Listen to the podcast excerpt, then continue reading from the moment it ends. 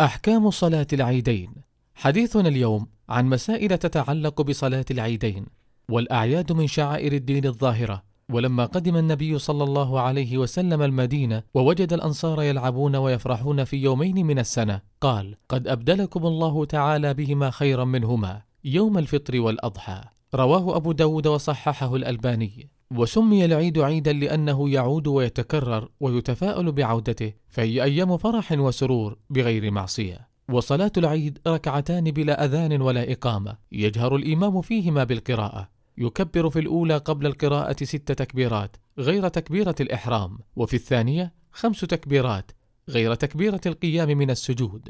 يرفع يديه مع كل تكبيرة فإذا سلم قام فخطب بالناس خطبتين كخطبتي الجمعة. ويستحب للمسلم أن يتنظف ويتطيب لها ويلبس أحسن ثيابه ويذهب من طريق ويرجع من آخر. ويستحب أن يأكل في عيد الفطر قبل صلاة العيد وفي عيد الأضحى بعد صلاة العيد.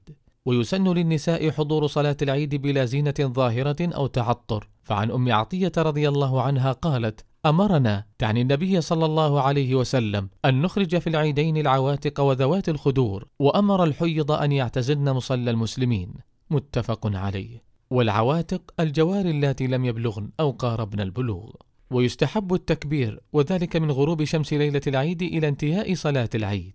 أما في عيد الأضحى فيستحب التكبير المطلق في كل وقت من دخول شهر ذي الحجة إلى غروب شمس آخر أيام التشريق وهو اليوم الثالث عشر. وأما التكبير المقيد بعد الصلوات الخمس فإنه يبدأ من فجر يوم عرفة إلى غروب شمس آخر أيام التشريق. بالإضافة إلى التكبير المطلق في كل وقت. ومما يشرع في العيد الفرح بإتمام العبادة وشكر الله تعالى على هدايته وتوفيقه ويشرع فيه إدخال السرور على قلوب الناس عموما وصلة الأرحام والإحسان إليهم. ويحرم صوم يومي العيدين كما أن تخصيص يوم العيد لزيارة المقابر بدعة محدثة. جعل الله أعيادنا فرحا بأعمال قبلت وذنوب غفرت ودرجات رفعت. نكتفي بهذا القدر.